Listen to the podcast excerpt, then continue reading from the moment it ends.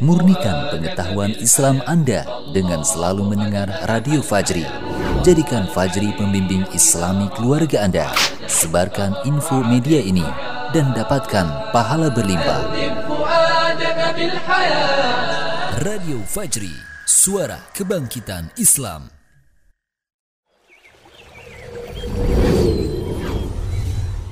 Sebaik-baik orang yang terjatuh dalam dosa adalah siapa yang segera bangkit dan bertaubat kepada Allah Subhanahu wa taala. Allah akan menyelamatkan orang-orang yang beriman. Ini sudah pasti. Allah lah wali orang-orang yang beriman. Siapa saja dari hambanya yang senantiasa menjaga syariat-syariat Allah Subhanahu wa taala, maka Allah Subhanahu wa taala pun akan menjaganya. Sesaat lagi anda akan menyimak kuliah Islam bersama Ustadz Dr. Salahuddin LC M. Ahum. Selamat mendengarkan. Bismillahirrahmanirrahim. Inna alhamdulillahi nahmaduhu wa nasta'inuhu wa nastaghfiruh wa na'udzu billahi min syururi anfusina wa sayyiati a'malina. May yahdihillahu fala mudilla wa may yudlil fala hadiyalah. Asyhadu an la ilaha illallah wahdahu la syarika lahu wa asyhadu anna Muhammadan abduhu wa rasuluhu la nabiyya. اللهم صل وسلم وبارك على نبينا محمد وعلى آله وأصحابه ومن تبعهم بإحسان إلى يوم الدين. ثم أما بعد. قال الله تعالى أعوذ بالله من الشيطان الرجيم. يا أيها الذين آمنوا قوا أنفسكم وأهلكم نارا وقودها الناس والحجارة. عليها ملائكة غلاظ شداد. لا يعصون الله ما أمرهم ويفعلون ما يؤمرون. وقال رسول الله صلى الله عليه وسلم استعيذوا بالله من عذاب النار Pendengar rahmakumullah, alhamdulillah bersyukur kita kepada Allah Subhanahu wa taala yang masih memberikan kita kesempatan pada waktu ini. Insya Allah kali ini kita akan membahas satu tema yang sangat penting yang harus diketahui oleh setiap aba, oleh setiap bapak-bapak dan juga ibu-ibu semuanya berkaitan dengan sebab-sebab perbuatan yang bisa menyebabkan masuknya seorang anak atau seorang manusia ke dalam api neraka. Tema ini sangat penting sebab Allah Subhanahu wa taala memerintahkan kita semuanya untuk lari dari neraka dan juga untuk melindungi diri kita serta keluarga kita termasuk di dalamnya anak dan istri kita dari api neraka. Allah Azza wa Jalla berfirman, "Ya ayyuhalladzina amanu qu anfusakum wa ahlikum nara." Wahai orang-orang yang beriman, cegahlah api neraka dari diri kalian dan juga dari keluarga kalian. Masuk di dalam ayat ini anak-anak dan juga para istri. Kemudian Rasulullah Shallallahu Alaihi Wasallam memerintahkan kita untuk beristiadah kepada Allah Subhanahu Wa Taala agar kita terlindung dari api jahanam. Satu hadis sahih yang diriwayatkan oleh Imam Bukhari dan Muslim, Rasulullah bersabda, Ista'idhu billahi min azabin nar. Hendaklah kalian memohon kepada Allah Subhanahu wa taala perlindungan dari api neraka. Jadi kita harus senantiasa memohon kepada Allah Azza wa Jalla agar kita dijauhkan dari api jahanam. Dan di antara ciri ibadur rahman, di antara sifat hamba-hamba Allah yang maha penyayang, yaitu mereka yang senantiasa berkata, Rabbana srif anna adzab jahannam Inna adzabaha kana gharama. Orang-orang yang senantiasa berkata, Wahai Rob kami, isrif anna adzab jahannam. Jauhkanlah kami, hindarkanlah kami dari adab jahannam. Sesungguhnya adab jahannam ini sangat pedih siksanya itu. Ketika kita mengetahui dalil-dalil dari Al-Quran dan As-Sunnah bahwa neraka adalah satu tempat yang sangat mengerikan sekali, siksaannya sangat berat sekali, maka kita harus mengetahui faktor apa saja yang menyebabkan manusia bisa masuk ke dalam jahanam. Dan ini harus kita ketahui agar kita bisa melindungi diri kita dan juga keluarga kita agar tidak melaksanakan faktor-faktor ini atau penyebab-penyebab ini. Yang pertama dan ini sering dibahas yaitu asyirku billahi ta'ala. Syirik kepada Allah Azza wa Jalla. Ini poin pertama yang bisa menyebabkan masuk ke dalam neraka. Sebab Allah Subhanahu wa taala berfirman, "A'udzubillahi minasyaitonirrajim, innahu may yusyrik billah faqad harramallahu 'alaihi al-jannah wa ma'wahu an-nar wa ma lidh-dhalimin min ansar." Sesungguhnya siapa saja yang syirik kepada Allah, memberikan salah satu ibadahnya kepada selain Allah Subhanahu wa taala, maka Allah telah mengharamkan al-jannah kepadanya. Allah mengharamkan surga kepadanya dan tempat kembalinya adalah an-nar, neraka. Wa min ansar dan tidak ada satu penolong pun bagi orang-orang yang zalim. Kemudian Rasulullah bersabda, "Man mata wa huwa yad'ullaha niddan dakhala jannah." Siapa saja yang mati dan dia berbuat syirik, sekutu dalam beribadah kepada Allah Subhanahu wa taala, maka dia masuk ke dalam api neraka. Ini yang pertama. Yang kedua, al-kadzbu ala Rasulillah sallallahu alaihi wasallam. Berdusta atas nama Rasulullah wasallam. Ini pun faktor penyebab masuknya seseorang ke dalam api jahanam. Rasulullah wasallam bersabda satu hadis yang diriwayatkan oleh Imam Bukhari dan Muslim, "Man kadzdzaba alayya muta'ammidan falyatabawwa maq'adahu minan nar." Siapa saja yang berdusta dengan sengaja atas namaku, maka hendaknya dia mengambil satu bangku dari api neraka. Dipersiapkan satu bangku dari api neraka. Ini orang-orang yang sengaja berdusta atas nama Rasulullah SAW. Dia mengatakan kalau Rasulullah SAW, padahal Rasulullah tidak pernah berkata. Menyandarkan satu perkataan kepada beliau SAW ini adalah satu kekufuran menurut sebagian kaul ulama. Sebagian yang lain mengatakan merupakan kabair, termasuk dosa-dosa besar. Setelah sepakat bahwa siapa saja yang mengatakan kehalalannya, maka ini sepakat dengan kekufurannya. Kufur orang-orang yang berdusta atas nama Rasulullah SAW menyandarkan satu perkataan kepada Rasulullah padahal beliau SAW tidak pernah mengatakannya. Yang ketiga, al-kalimatu min sukhtillahi. Satu kalimat yang dibenci oleh Allah Subhanahu wa taala, yang membuat murka Allah Subhanahu wa taala. Ini pun bisa menyebabkan seseorang masuk ke dalam api neraka.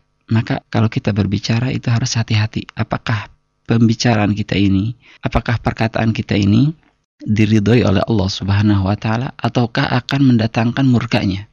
Seandainya perkataan kita ini akan mendatangkan murkanya, maka lebih baik kita diam. Ya, jadi harus difikir terlebih dahulu konsekuensinya. Rasulullah Wasallam bersabda, Innal abda la yatakallamu bi kalimatin min sukhtillahi la yalqa laha balan tahwi bihi fin nari sab'ina kharifan. Sesungguhnya seorang hamba dia akan berkata dengan satu kalimat yang dimurkai oleh Allah Azza wa Jalla. Padahal dia tidak menyangka bahwa hal itu dimurkai oleh Allah Subhanahu wa taala, maka hal itu akan menyebabkan dirinya meluncur ke dalam api jahanam sab'ina kharifan sejarak 70 tahun. Dia akan terus masuk meluncur ke dalam api jahanam sejarak 70 tahun. Ini orang-orang yang sering berkata-kata dengan satu kalimat yang dibenci oleh Allah Subhanahu wa taala. Dan kita harus meyakini bahwa seluruh perkataan kita itu dicatat oleh para malaikat. Mayalfidhu min qaulin illa ladaihi raqibun atid. Tidak terlafad satu ucapan kecuali di sampingnya ada raqib, ada atid. Ada malaikat yang senantiasa mengawasi dan malaikat yang senantiasa mencatat. Ya Rasulullah bersabda man kana yu'minu billahi wal yaumil akhir falyakul khairan aw liyasmut. Siapa saja yang beriman kepada Allah dan hari akhir, maka hendaknya dia berkata baik atau dia diam. Dan dalam hadis lain, Rasulullah Shallallahu Alaihi Wasallam pernah ditanya, wahai Rasulullah, amal apakah yang paling banyak memasukkan seorang ke dalam api jahanam? Maka Rasulullah mengatakan al-farju wal fam atau al-famu wal furuj. Mulut dan kemaluan. Ini yang menjadi faktor penyebab seseorang masuk ke dalam api jahanam. Artinya orang-orang yang berkata yang tidak diridhoi oleh Allah Subhanahu wa taala berkata-kata haram dan orang-orang yang menggunakan kemaluannya pada jalan-jalan yang haram. Ini yang sering menyebabkan seseorang masuk ke dalam api jahanam. Kemudian ikhwan fillah Selanjutnya yang keempat, takdzibul hayawan, menyiksa binatang. Menyiksa binatang ini pun menjadi penyebab masuknya seseorang ke dalam api jahanam.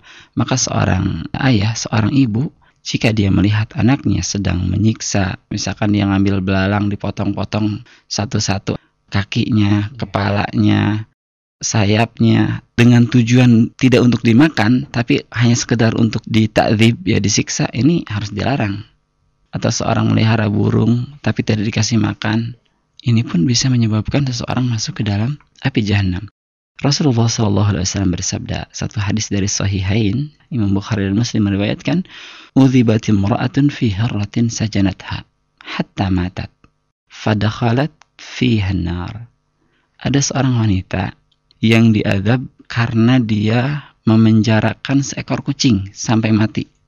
Akhirnya dia masuk neraka. Wanita ini masuk neraka karena dia memenjarakan seekor kucing. Lahiyat amatha wasakatha.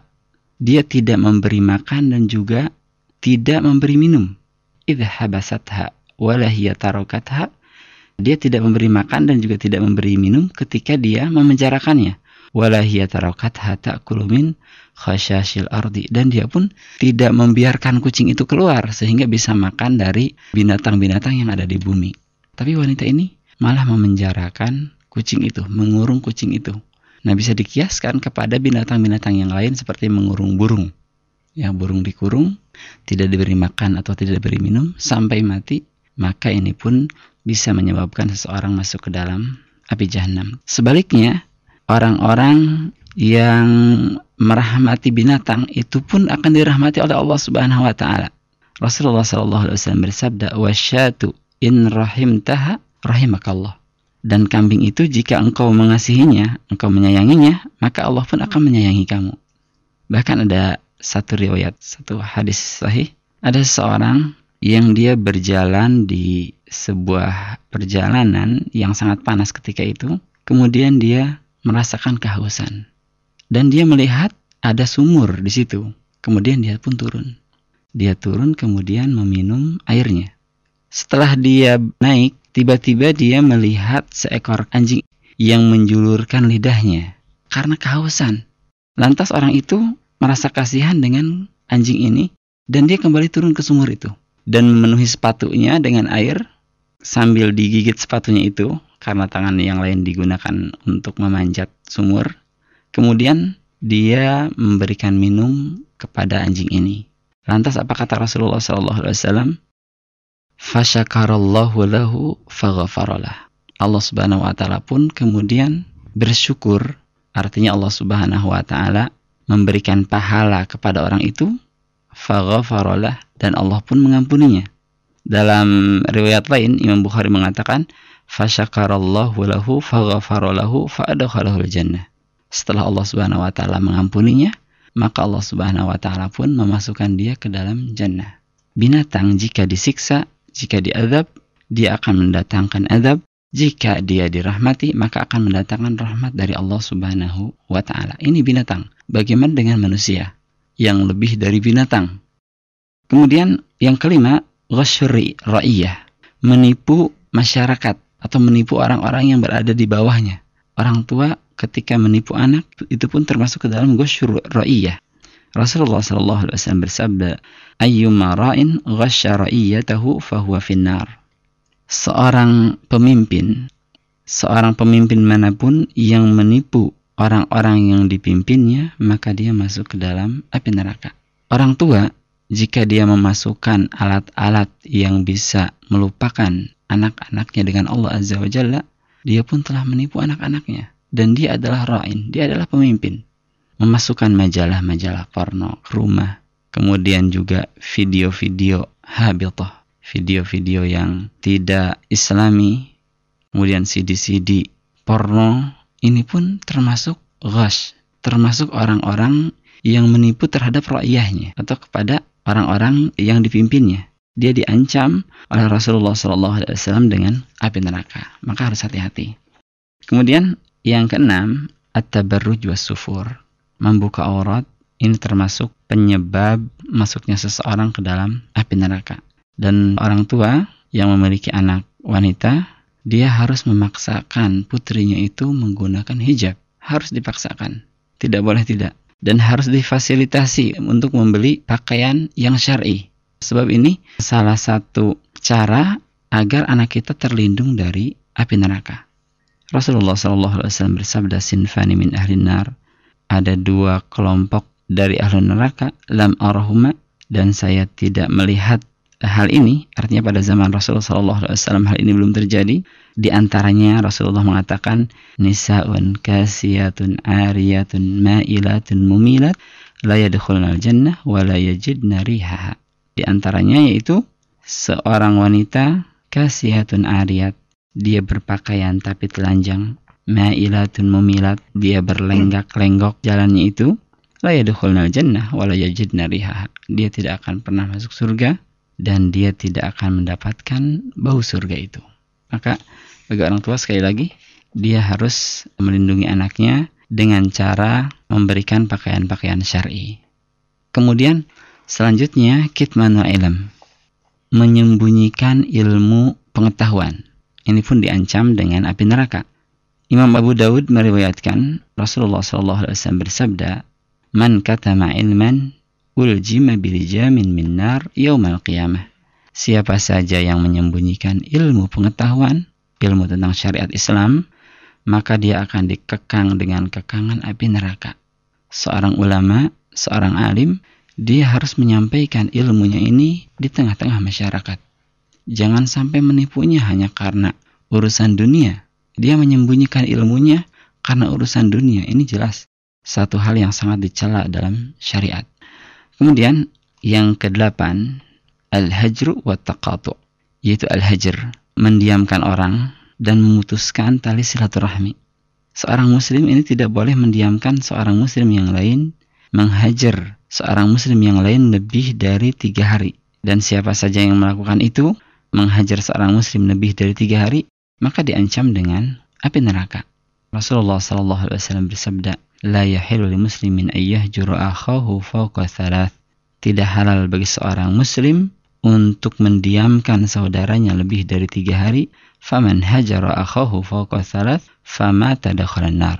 Siapa saja yang mendiamkan saudaranya lebih tiga hari kemudian dia mati, maka dia akan masuk ke dalam neraka. Ini pun menunjukkan tentang urgensi silaturahmi, menjalin kekerabatan karena Allah Subhanahu wa taala. Itu yang ke-8. Kemudian yang ke-9, al-la'nu wa kufranul ashir. Sering melaknat dan dia kufur terhadap kebaikan suami. Ini yang sering dilakukan oleh para wanita al-la'nu. Para wanita sering melaknat, melaknat anaknya karena bandel, dilaknat. Atau kufranul ashir, dia kufur terhadap kebaikan sang suami. Ini pun bisa menyebabkan sang wanita itu masuk ke dalam jahanam. Bahkan mayoritas manusia, mayoritas wanita masuk ke dalam jahanam dikarenakan hal ini. Al-la'nu ini bukan kekhususan wanita. Banyak sekali laki-laki pun yang melakukan hal itu. Tapi jika dibandingkan antara laki-laki dan wanita, maka wanita lebih besar, lebih banyak melakukan laknat. Maka Rasulullah SAW bersabda tentang hal ini, Ya ma'syarun nisa tasaddaqna. Wahai wanita, bersedekahlah kalian. Fa inni ra'aitukunna akthar ahli nar karena aku sungguh telah melihat bahwa kalian adalah mayoritas penghuni neraka.